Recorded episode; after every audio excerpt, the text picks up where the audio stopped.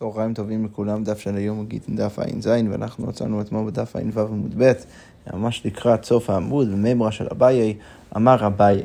אה, רק נזכיר לעצמנו איפה אנחנו לומדים בסוגיה, ראינו אה, מחלוקת אה, בתנאים, שיטה אחת ראינו דרך המשנה, שיטה אחת ראינו דרך הגמרא במקרה, והבעל נותן גט לאשתו ואומר, הרי זה גיתך. אם, אם לא באתי מכאן ועד 12 חודש ומת בתוך 12 חודש. עכשיו השאלה היא, האם אפשר להגיד שבמקרה הזה, אז הגט נחשב כגט. מצד אחד, באמת, יתקיים התנאי, אנחנו יודעים את זה בוודאות, כי הוא ודאי לא יבוא תוך, שני, הוא, הוא לא יבוא תוך 12 חודש, למה? כי הוא, הוא נפטר עכשיו. מצד שני, אנחנו יודעים שיש כלל אין גט לאחר מיתה, ולכן אם תכולת הגט תהיה רק לאחר שהבעל נפטר, אז יש פה בעיה של, של גט לאחר מיתה. עכשיו, במשנה... אה, ראינו שהתנא הסתמאי אה, במשנה נקט כהסברה השנייה, ובא ואמר שברגע שזה גט לאחר מיתה, אז צריך להגיד שאינו גט. אבל ראינו בתוך הגמרא שהבית דין שהתירו את, ה, את, ה, את השמן של, ה, של הנוכרים, אז הם סמכו על שיטתו של רבי יוסי, שבא ואומר שהתאריך הכתוב בגט מוכיח על הגט עצמו שזה לא גט לאחר מיתה, ולכן אפשר לסמוך על זה. עכשיו, אביי כאן ייכנס לתוך המחלוקת הזאת, והוא יגיד את הדבר הבא, אמר אביי, הכל מאוד אם כולם מסכימים, היכא דאמר לכשתצא חמה מן עתיקה, לכי נפקא כאמר. עכשיו, אם בוא נגיד שמדובר על מקרה מקביל למקרה של המשנה שלנו, הוא בא ואומר, הגט הזה יהיה גט אחרי נצח חמה, אחרי שהשמש יצא מהמקום שלו. עכשיו, אם הוא אומר את זה, אז זה ברור שתכולת הגט אמורה להיות רק בבוקר. ולכן מה? וחימאית בלילה, כשהוא נפטר בלילה, הווה גט לאחר מיתה, אז במקרה הזה כולם מסכימים שהגט יהיה גט לאחר והוא לא נחשב כגט, הוא גט בטל. למה? כי זה מאוד ברור מהשפה שלו שהוא רוצה שתכולת הגט תהיה רק לאחר שהוא נפטר, רק לאחר שמגיע הבוקר. מצד שני, אם אומר על מנת שתצא חמה ממרתיקה, מעכשיו כאמר לה, אם הוא אומר מצד שני לא, לכשתצא חמה מן עתיקה, אלא הוא אומר על מנת שתצא חמה מן עתיקה, רק כשהשמש, רק בתנאי שהשמש יצא מהמקום שלו, רק לאחר נצח חמה, אז הגט יחול, אז כולם יסכימו שמעכשיו כאמר לעשו, הוא, הוא באמת בא ואומר שהוא רוצה שהגט יחול מעכשיו, בתנאי שהשמש יבוא בנצח חמה. ולכן שמה לכאורה כולם יסכימו, אפילו חכמים מהמשנה שלנו יסכימו שזה גט, וזה לא נחשב כגט לאחר מיתה, ולכן אפילו אם נפטר בלילה זה יהיה גט. אז כמו אומרת שבמקרה הזה מעכשיו כאומר, לא דאמר רב הונא אמר רב, כל האומר על מנת כאומר מעכשיו דומה, ולכן זה כן יעבוד אפילו אם נפטר בלילה. אבל מתי יש מחלוקת? לא נחלקו אלא באם תצא. המחלוקת שלהם זה רק במקרה שהוא אומר אם תצא. אז אם תצא החמה מן עתיקה, אז מה הכוונה? אז כאן יש התלבטות, כשהוא אומר אם תצא, האם זה תנאי שהוא בעצם רוצה שהגט יחול כבר מעכשיו רק בתנאי שמשהו יקרה בעתיד, או שרק אז זה באמת, זה באמת יחול. עכשיו, מה נפקא מינה? אם הוא נפטר בלילה. אם אתה על הצד שאתה אומר שזה כאילו אומר מעכשיו, אז אפילו נפטר בלילה זה לא גט לאחר מידה ולכן אפשר להגיד שזה גט. מצד שני, אפשר להגיד בדיוק הפוך, שהוא באמת מתכוון להגיד שזה יהיה גט רק ברגע שהשמש... אה, אה, שהשמש זורחת, ואז באמת במקרה הזה, אז אה, נצטרך להגיד שזה גט לאחר מיתו, וזה יהיה בעייתי אם הוא ימות באמצע הלילה. כמו אומרת, שם יש מחלוקת מר סבר לה כרבי יוסי, אז, אז מצד אחד אפשר להגיד כמו רבי יוסי, חכמים חושבים כמו רבי יוסי, דאמר זמנו של שטר מוכיח עליו, והווי לי כמהיום אם אמרתי, כמאה עכשיו אימתי, זה בדיוק כמו כמה וכמה מקרים שראינו לפני כמה דפים, ש... כשהוא אומר מעכשיו אם אמרתי, אז זה אומר שבעצם הוא מתכוון להגיד שהגט יהיה גט כבר מעכשיו אם הוא ימות, ולכן גם באם תצא, אז אם הוא ימות בלילה זה יהיה גט. אבל מר סבר לה כרבי יוסי, אבל נתנו של המשנה שלנו זה עובר כמו רבי יוסי, והווה כאם מתי גרדה, ואז זה יוצא כמו מקרה של, של, אה, אה, אה, של, של, של אם מתי, שזה לא בהכרח מעיד על כך שהוא רוצה שזה יחול למפרע כבר מעכשיו, ולכן אם הוא ימות באמצע הלילה זה יהיה גט לאחר מיתה, בדיוק כמו שהסברנו, וזה לא יעבוד, זה יהיה גט בטל. אוקיי, okay, אמרנו גם כן במשנה, שאם אה, אה, הבעל אמר אה, לכל מיני נשים, שאם הוא לא יחזור מכאן ועד 12 חודש, אז כתבו ותנו גט לאשתי. עכשיו, במקרה הזה, שככה הוא ניסח את עצמו, אם הם כתבו את הגט תוך י"ב חודש לפני שהוא חזר, או לפני שהם ידעו בכלל אם הוא יחזור תוך י"ב חודש, אז כבר אנחנו מניחים שהגט בטל. אפילו אם, אם הם נתנו את הגט לאישה רק לאחר י"ב חודש, בגלל שהם כתבו את זה לפני, הם לא הקשיבו לבעל ולכן הגט בטל. אבל אם הוא אמר כתבו ותנו גט לאשתי, אם לא באתי מכאן ועד 12 חודש, אז כאן באנו למחוק התנאים, שתנא קמא אמר שגם במקרה הזה הגט בטל, כי בסוף אם הם כתבו את זה תוך בית חודש, אז הם לא הקשיבו לו, אבל במקרה הזה רבי יוסי בא ואומר שבמקרה הזה הגט כשר והכל בסדר גמור. אז עכשיו הגמר אומר ככה, אמר די רבי ימר לרב אשי, למה כתב רבי יוסי כתב גט על תנאי כשר, אז לכאורה משמע מזה. ש, שרבי יוסי סובר, שאם בן אדם כתב גט על תנאי, מה הכוונה? הוא כתב גט בלי באמת לדעת אם התנאי יתקיים או לא, אז הגט כשר. אז כמו אומרת, לא, זה לא בהכרח נכון, לא, לא צריך בהכרח להסביר ככה את רבי יוסי. אגב, איך זה הגיוני ככה להסביר את רבי יוסי? כי מדובר במקרה כאן, שכתבו את הגט לפני י"ב חודש, ובכל זאת רבי יוסי בא ואומר שזה כשר, למרות שהם באמת לא ידעו עד, עד, עד הסוף אם באמת התנאי יתקיים או לא. אבל, אז הגמרא אומרת, לא, אין באמת אה, לפרש ככה את שיטתו של רבי יוסי, אלא מה? לעולם אין לך פסול, לא באמת רבי יוסי, גם רבי יוסי יגיד שאם כתב גט על תנאי, גם שם זה יהיה פסול. אז למה כאן זה קשה? ושייני הוכה, כי כאן אפשר לפרש את האמירה של הבעל בצורה אחרת. מדהבה לילה מימר אם לא באתי כתבו ותנו, הוא היה יכול להגיד אם לא באתי כתבו ותנו. אבל במקום זה מה הוא אמר? ואומר כתבו ותנו אם לא באתי, אז הוכי כמה אני יכול להבין שבגלל שהוא דווקא החליט לנסח את עצמו ככה, אז אני יכול להבין שמה הוא התכוון להגיד? כתבו ותנו אם לא באתי מכאן ועד 12 חודש, צריך לשים פסיק שם באמצע. כתבו מעכשיו, אתם יכולים עכשיו כבר לכתוב את זה, ותנו אם לא באתי, ואז אתם יכולים לתת את זה אם אני לא באתי, ודרך זה אפשר להבין בעצם את המשפט של הבעל בתור משפט שמעיד על כך שהוא, שהוא בסדר גמור עם זה שהם יכתבו אפילו עכשיו את הגט. ורבונן, אז מה החכמים יגידו במשנה? למה הם אומרים אינו גט? אבל אני אגיד לא שנהכי, לא שנהכי, לא משנה מה, בשני הניסוחים זה ברור שהוא רוצה שהם יכתבו את הגט רק לאחר י"ב חודש, רק לאחר שהם יודעים בוודאות שהוא לא חזר, ורק אז אפשר לכתוב את הגט.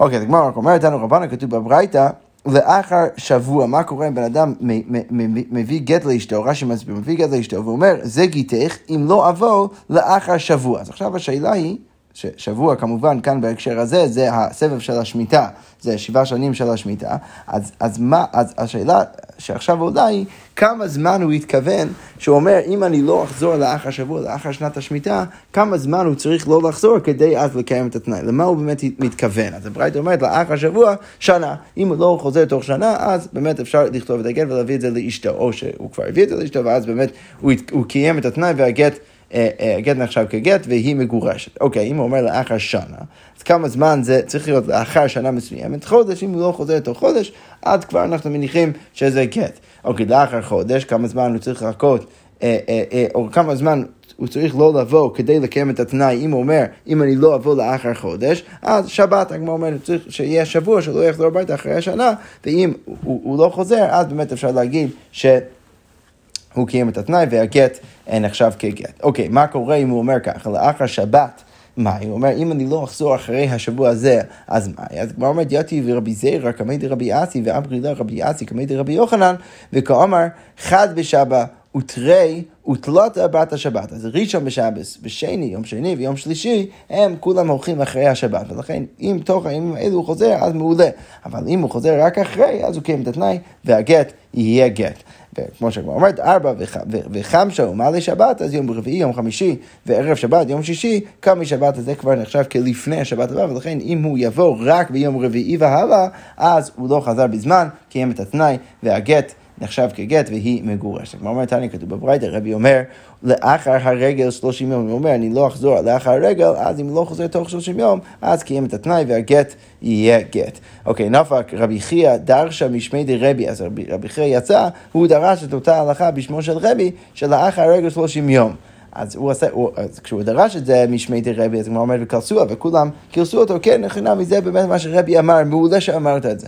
אבל כשהוא דרש את זה משמי דרבים, שאז באמת משמע מזה שהוא רצה לדרוש את זה גם אליבא דהלכתא, אז לא כעסו, אף אחד לא באמת שיבח את מה שהוא אמר, למה? עלמא ליתי הלכתא כבדי, כי הם כולם הבינו כבר שההלכה לא כמותו. אז מאוד יפה שאתה אומר את זה בשמו של רבי, זה מעולה, כן, נכנע, באמת רבי אמר את זה. אבל להגיד את זה בשמם של הרבים, כאילו הלכה כמותו, אז זה אי אפשר להגיד, שמה לא שיבחו אותו, כי באמת ההלכה לא כמו רבי במקרה הזה. ובזה סיימנו את הפרק, הדון הלך מי שאחזו. עכשיו אנחנו נמשיך אה, אה, ונתחיל את הפרק הבא, פרק הזורק. אז המשנה אומר כך, זורק גט לאשתו, בן אדם זורק גט לאשתו, וכאן ההנחה של המשנה תהיה שהגט צריך להגיע לרשותה של האישה. אז כתוב כמה במשנה, אם הוא זורק גט לאשתו והיא בתוך ביתה או בתוך החתירה, אז אם הגט נופל בתוך הבית שלה או בתוך החצר שלה והיא שמה, אז אחרי זה מגורשת, אז באמת האישה מגורשת והכל מעולה. אבל אם זה רק עולה, בתוך ביתו בתוך חצר, או אם, אם היא נמצאת בתוך הבית שלו בתוך החצר שלו, אז אפילו הוא עימה במיטה, אפילו אם היא שמה ביחד איתו בתוך הבית או בתוך החצר אינה מגורשת. למה? כי בסוף זה לא נחת בתוך הרשות שלה. אבל אם הוא שם את זה אפילו בתוך הבית שלו, אפילו בתוך החצר שלו, בתוך, לתוך חיקה לתוך כלתה, אז הרי זה מגורשת, זה כבר מספיק והיא תהיה מגורשת. אוקיי, אבל כאן הגמרא פותחת ושואלת, מנוהל ימין, מאיפה אני יודע בכלל שאפשר שהיא תקבל את הגט לא רק בידיים שלה, אפילו בחצר שלה או בבית שלה. אז הגמרא אומרת, תנו רבנה כתוב בברייתא, ונתן בידו, כך כתוב בפסוק, שהוא כותב לה ספר כתוב ונתן בידה. אז אין לי אלא ידה, אז לכאורה משהו מזה שצריך לשים את זה דווקא ביד של הגגה, חצירה, כרפיפה, מיניים. איפה אני יודע שכל מיני רשויות של האישה, גם שם אפשר לשים את הגט והיא תהיה מגורשת. תלמוד לומר, ונתן, מכל מקום כתוב ונתן, אפשר לדרוש מזה, זה ביטוי אה, רחב שאפשר להבין מזה שזה זה, זה יכול להיות בכל מקום, אפילו בבית שלה, אפילו בגג שלה, ואפילו אה, אה, בחצר שלה. אוקיי, והגמרא אומר, ותניא נמי הוכי לגבי גנב, ויש לנו ברייתא מקבילה גם כן לגבי גנב. עכשיו, מה ההקשר של הגנב? ההקשר של הגנב הוא איפה צריך למצוא את הגניבה אצל הגנב כדי שהוא ייחשב כגנב ויצטרך לשלם את הכיף. אנחנו יודעים שהדין תורה, דין תורה הוא שהגנב שגונב משהו, אז הוא צריך לשלם לא רק את הקרן, לא רק את הדבר עצמו חזרה לביילים, הוא צריך לשלם גם כן כפל. אז מתי אנחנו יכולים למצוא דבר ובאמת להניח שזה באמת היה ברשותו של אותו הגנב, ודרך זה לחייב אותו לשלם כפל. אז כתוב ככה בברייתא, ידו. אין לי אלא ידו. גגו חצרו וקרפיפו מניים. איפה אני יודע שאפילו אם מצאת את הדבר, את החפץ עצמו, אה, בתוך הגג או הכרפף או החצר של הגנב, שגם אז הוא נחשב כגנב, אז הגמרא אומרת, תלמוד לומר, הימצא תימצא מכל מקום, שאפשר ללמוד מזה, שבכל מקום שאתה מוצא את זה בתוך רשותו של הגנב, אז זה נחשב כגניבה. אגב, כתוב בתורה, הפסוק שאנחנו מצטטים, אם הימצא תימצא בידו הגניבה מישור עד חמור, עד זה חיים, שני, עד זה חיים, שניים ישלם. בכל מקרים האלו יצטרך לשלם כפל. עכשיו, זה, זה אנחנו אומרים כמקביל למשנה שלנו, או לברייתא שראינו בהקשר של המשנה שלנו, אז גם לגבי גנב אנחנו אומרים שזה לא צריך להיות דווקא ביד שלו, אפילו כגור, חצרו וכרפיפו, זה גם אה, ייחשב כבתוך רשותו, ואז הוא יצטרך ויתחייב לשלם את הכפל. כלומר, צריך, וצריך את שני המקרים, גם את המקרה של האישה וגם את המקרה של הגנב. למה יש מינן גט? כי אם היית מלמד אותי שאצל הגט, אז זה עובד, אפילו אם זה לא ממש בתוך היד שלה, לא אפילו בתוך החצר שלה, אז משום דבר כורחה מגרשת, כי בכל מקרה, אם היא תגרש בר כורחה, אז מה זה צריך להיות דווקא ביד שלה? אבל גנב דלייתי בר כורחה, שהגנב, לא, אתה לא יכול להפוך אותו להיות גנב בר כורחה, אתה לא יכול לשים חפץ גנוב בתוך הרשות שלו ולהגיד, היי, אתה, אתה עכשיו גנב, אז אם לא, הייתי חושב שרק אם זה בידיים שלו, אז הוא ייחשב כגנב, אבל בתוך החצר שלו, בתוך הבית שלו, הייתי חושב אולי שלא. ואיוש מינו הפוך, ואם היית מלמד אותי דווקא את הגנב, אז הייתי חושב, מאי? משום דקנצי רחמון, ולכן אנחנו מרחיבים את הרשויות שבהן הדבר נחשב כבתוך רשותו, כדי ש, שהוא יקבל את הקנס בזה שהוא גנב. אבל גט, אימה לא, הייתי חושב, זה לא קנס, אז למה, למה שאני ארחיב את זה יותר מדי? אולי הייתי חושב, צריך להיות דווקא בידיים של האישה. ולכן צריך, אני צריך את שני הכיוונים, את שני המקרים, כדי ללמד אותי שגם בגנב וגם באישה, זה לא רק בידיים, אלא זה גם כן אה, בתוך הרשות, זה כבר נחשב כאילו זה הגיע לרשותו. אוקיי, אז עכשיו הגמרא פותחת אה, שאלה אחרת, זה מאוד יפה שכל מה שאנחנו אומרים, שזה בתוך, אם הגט נופל בתוך חצירה של האישה, אז היא מגורשת, אבל הגמרא אומרת חצירה, הרי אנחנו יודעים, מה שקנת אישה קנה ביילו, אנחנו יודעים שכל דבר שהאישה קונה, אז בעלה קונה גם כן. אז זה עובר ישירות לרשות של, של הבעל, איך יכול להיות בכלל שיש סיטואציה שבו יש חצר לאישה? הגמרא אומר תירוץ ראשון, אמר רבי אלעזר, וכותב לה דין ודברים אין לי מנכסייך. אה, מדובר במקרה שהבעל כתב לאשתו שדין ודברים אין לי מנכסייך, אני אין לי שום עסק בנכסים שלך, זה הכל נשאר אצלך. אז הגמרא אומרת, זה מאוד יפה שככה אתה מעמיד את המקרה, אבל וכי כתב לה הכי מה יהובי? האם זה באמת מעלה ומוריד? האם זה באמת משפיע? ועתניא כתוב בברייתא אומר לחברו דין ודברים אין לי על שדה זו. בן אדם בא ואומר לחברו אין לי שום עסק עם השדה הזאת ואין לי עסק בה וידי מסולקת ממנה. בכל המקרים האלה לא אמר כלום, לא, אתה לא יכול סתם לסלק את עצמך ממשהו ולכן כמו כן כאן הבעל לא באמת יכול לסלק את עצמו מהנכסים של אשתו ולכן, באמת במקרה הזה זה לא בהכרח מסביר איך יכול להיות שיש חצר או בית ששייך דווקא לאישה. אז כמו אומרת, אמרי דבי רבי ינאי בכותב לה ועודה ארוסה. אה, מתי הוא כן יכול לעשות? זה אם הם כבר התחתנו וכבר כל החובות וכל הדינים כבר, אה, כבר, כבר, כבר שייכים, ולכן כבר מגיע לו כל, הר, כל הרשות, הרשויות והנכסים של האישה ישירות לבעל. אז באמת במקרה הזה הוא לא יכול לוותר על זה. אבל אם הוא כתב את זה עוד לפני שהם התחתנו, עוד לפני שהוא קיבל את כל הזכויות האלו, אז אפשר להגיד שמלכתחילה הוא כן יכול להגיד שאני מוותר לכל הזכויות. זה בדיוק מה שהגמרא אומרת. וכותב לה, ועוד הארוסה, מדובר במקרה שהוא כתב את זה עוד שהיא הייתה ארוסה. וכדרב כהנא, וזה הולך אליבא דרב כהנא דאמר רב כהנא, נחלה הבאה לאדם ממקום אחר. בן אדם שמקבל נחלה ממקום אחר, אדם מתנה אליה שלא ירשנו, יכול להגיד, אני לא רוצה לקבל את הירושה הזאת. ולכן, כמו כן כאן, בעל שהולך להתחתן, או גבר שהולך להתחתן עם אישה, בעוד שהיא מאורסת, הוא יכול להגיד, אני לא רוצה לקבל את הזכויות שאני הולך לקבל אותן, ולכן אם מדובר במקרה הזה, אז אני יכול להבין איך יש חצר או בית ששייך לאישה. אז כמו אומרת, וזה כל זה הולך אליבא דרבא, כדרבא דאמר רבא האומר אי אפשי בתקנת החכמים כגון זו, שומי לו, בן אדם בא ואומר, אני לא רוצה את תקנת החכמים כגון זו, תכף אנחנו נשאל מה בדיוק הדוגמה של רבא, אז שומעים לה והכל בסדר גמור. ולכן אפשר להבין ששוב, מדובר במקרה שהוא כתב את זה עוד שהיא הייתה מאורסת, אה, אה, ולכן אפשר להגיד שבעצם מדובר במקרה שהוא מוותר על הזכויות שלו, וזה בסדר גמור, זה מותר. אוקיי, הגמרא רק שואלת על הממר של רב, ומה כגון זה, מה בדיוק המקרה של רב? אז הגמרא אומרת, כדי רב הונא אמר רב, כמו שרב הונא אמר בשמו של רב, אמר רב הונא אמר רב, יכול לאישה שדומה לבעלה, איני ניזון, איני עושה. אישה יכולה להגיד למרות שבדרך כלל היא אמורה לקבל מזונו מבעלה ולהביא לו את מייסי ידיה, היא יכולה לוותר על הזכות של אה, אה, אה, זיכו לה בזה שהם הביאו לה, הביאו לה את הזכות לקבל את המזונות מבעלה, והיא יכולה להגיד, אני לא רוצה, לא רוצה את המזונות, ואני אעשה בשבילי את הכסף, אני אעביר את הכסף בשבילי, ואני לא מביא, לא מביא את מעשה ידיי לבעלי. עכשיו, זה, זה דוגמה של מקרה שבו אנחנו אומרים שהאישה יכולה, או, או, או מישהו בכללי יכול לוותר. על הזכויות שלו, וכמו כן כאן, אם הוא כתב את זה לפני שהם התחתנו, אז הכל בסדר גמור. יפה, אז כל זה תירוץ ראשון, איך יכול להיות שיש חצר לאישה? רוב אמר, תירוץ שני, אטו ידע מלוקני לבעל, רגע, אתם חושבים, אתם, מה, מה אתם מניחים כל הזמן? שרק המקרה של החצר הוא קשה, המקרה של היד שלה זה לא קשה, זה, זה, זה לא קשה. להגיד שהיא יכולה לקבל ביד שלה את הגט זה לא קשה, מה שקשה זה המקרה של החצר, כי אין לה באמת חצר, זה שייך ישירות לבעל. עכשיו הוא בא ואומר, מה אתה חושב שהמקרה של ידה זה כזה פשוט? אטו ידע מלוקני לבעל? הרי גם היד שלה קנוי לבעל, בזה שכל מה שהיא תעביר, היא חייבת להביא לבעלה. אז אלא מה צריך להגיד? אפילו לגבי היד, שהגט מגיע לידיים של האישה, איך היא בכלל מגורשת? מה צריך להגיד? על הגיטה וידה בהם ככה, צריך להגיד שהגט והיד באים בבת אחת. ולכן היא בו בזמן גם מתגרשת וגם כן מקבל, מקבלת את הזכויות של היד שלה. אז לכן אם כבר אתה אומר את זה, את זה ככה במקרה של היד, אז אנחנו נראה גם לגבי החצר אפשר להגיד גיטה וחצר באים כאחד, ולכן אפשר להבין את זה אפילו בלי האוקימתא שהעמדנו אה, אה, למעלה במשנה. אומרת, אמר לרבינה לרב אשי, רגע, רבא, יד דאישה כקשה להם, אתה רוצה באמת להגיד שהיד של האישה זה באמת קשה, זה קשה להבין איך אישה יכולה לקבל את הגט של עצמה עם היד של עצמה? נאי דקני למעשה ידיה, אולי אני מבין שהיד קנוי לבעל למעשה ידיה בזה שיש לו זכויות במעשה ידיה של האישה, אבל יד הגופה מכאן אליה, האם באמת הוא, מקבל, גם הוא קונה את היד של האישה? ממש, זה ודאי שלא, ולכן לגבי היד של האישה אין פה באמת קושייה, ולכן אם אין פה קושייה, אז נפלה כל הראייה של רב, אתה לא צריך להגיד גיטה ויד במקרה אחד, ולכן אתה לא יכול לבוא משם לגיטה וחצי רבה במקרה אחד. אבל הגמרא אומרת, אמר לי, אז רב אשי חוזר ואומר לרבינה, לא. רבה יד העבד קקשה לי, הוא לא הקשה מהיד של האישה, הוא הקשה מהיד של העבד.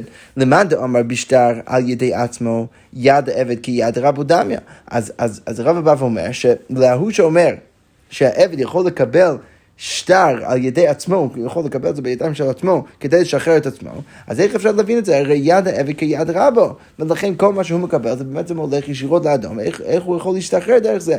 אז הגמרא אומרת, אה, בטח מה צריך להגיד לגבי העבד, אלא גיטו וידו בנק יחד, ולכן אם אתה אומר את זה ככה לגבי העבד, אז הכי נמי גם כן לגבי הגט, גיטו וחצירה, באים כאחד. יפה, אז הגמרא רק אה, מספרת את הסיפור הבא, הוא שכיב מרע, דכתב לגיטה לדבייתו. אז, אז, היה איזשהו מישהו שהולך, הוא כתב גט לאשתו, אה, לאשתו, בהדי פניה דמלי שבת, בערב שבת, לקראת הערב, ולא הספיק למצווה לה, ולפני שבת הוא לא הספיק להביא לה את, הגט. למחר, מה הוא עשה?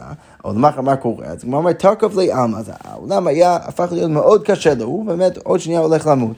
אז עטו לכמה דרב, אז הם הגיעו לפני רב, אמר לו, זילו, אמרו לי, לקנייני הלה להוא דוכתא דיתיב בגיתא, ותזל איהי, ותיכוד, ותפתח, ותחזיק ב.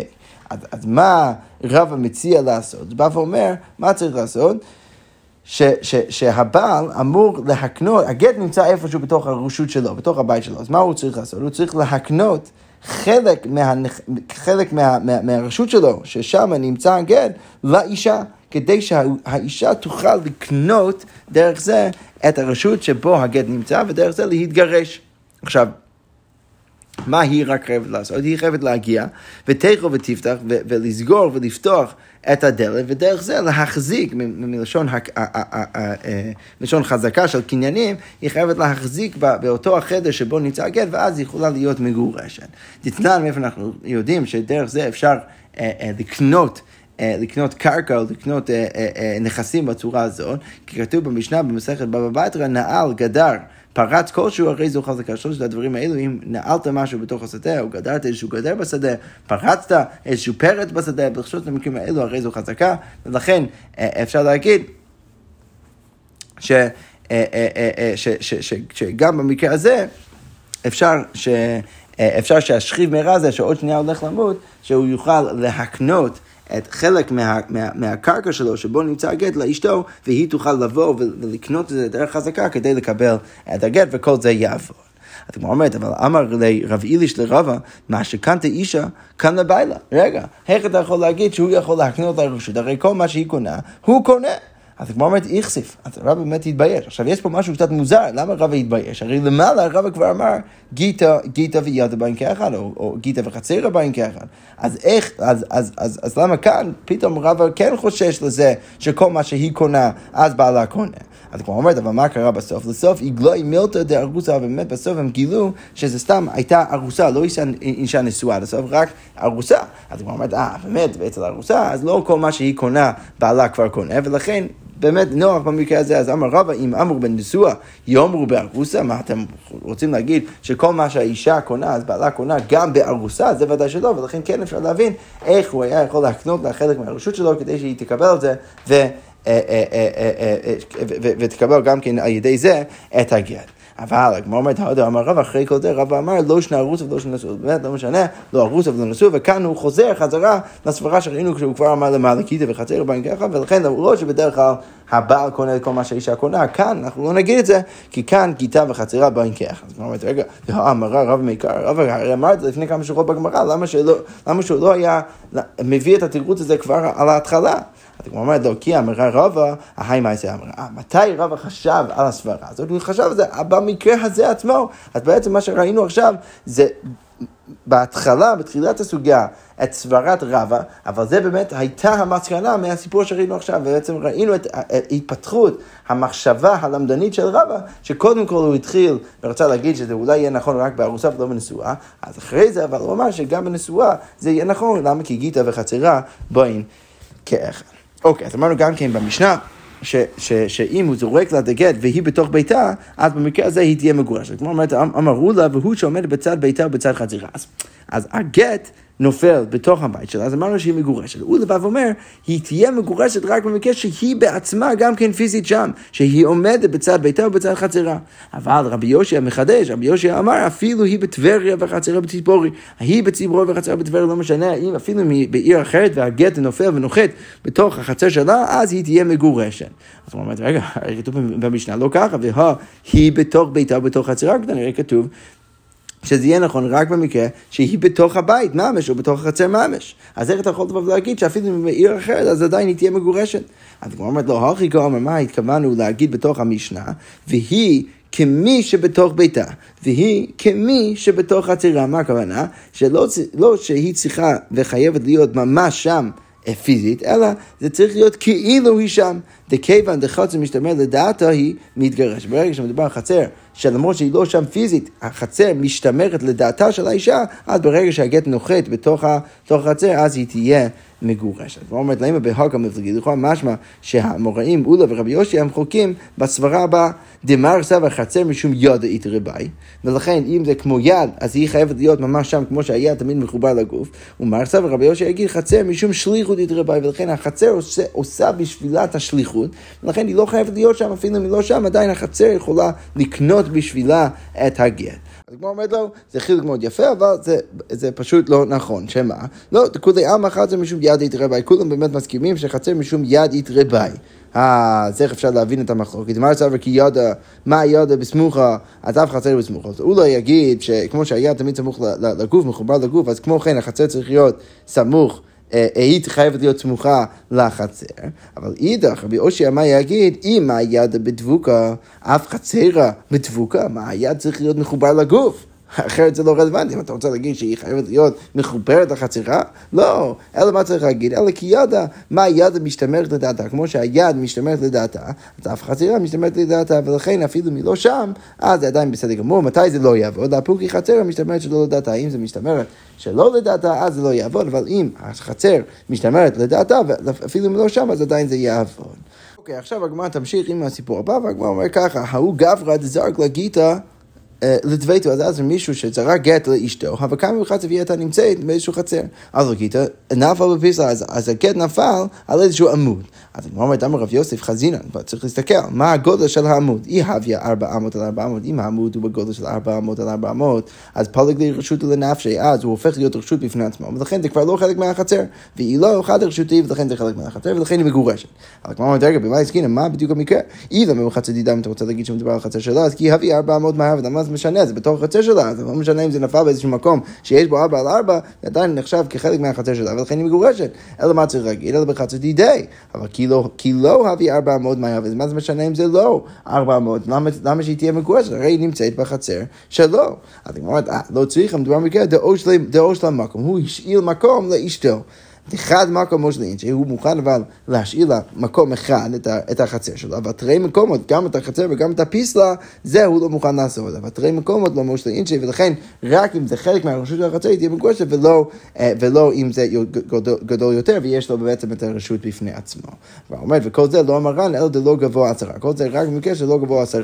אבל גבוה עשרה, אף אגב, זה לא הביא ארבע אמות, לפעמים זה לא ארבע אמות, אז זה עדיין יהיה רשות בפני עצמה, ולכן היא לא תהיה מגורשת. ולא מרן גם את זה. אלא דלית לי שם לוואי, זה רק במקרה שלא, ש, שאין שם לוואי, אין שם אחר לאותו הרשות של העמוד. אבל איתלי שם לוואי, שזה ברור שזה כבר לא חלק מהחצר, אף אגב זה לא גבוה עשרה, ואם זה לא בגובה של עשרה, אף אגב זה לא הביא ארבע אמות, עדיין זה, זה, זה נחשב כמקום אחר, ולכן אה, אם הגט נופל שם, אז היא לא תהיה מגורשת, כי זה לא נחת בתוך החצר. אה, אה, אה, בתוך חצר שבתוכה היא עומדת, ולכן היא לא תהיה מקושי. יפה, אנחנו נעצור כאן, ונמשיך לך בעזרת השם עם המשך הסוגיות. שכוייח.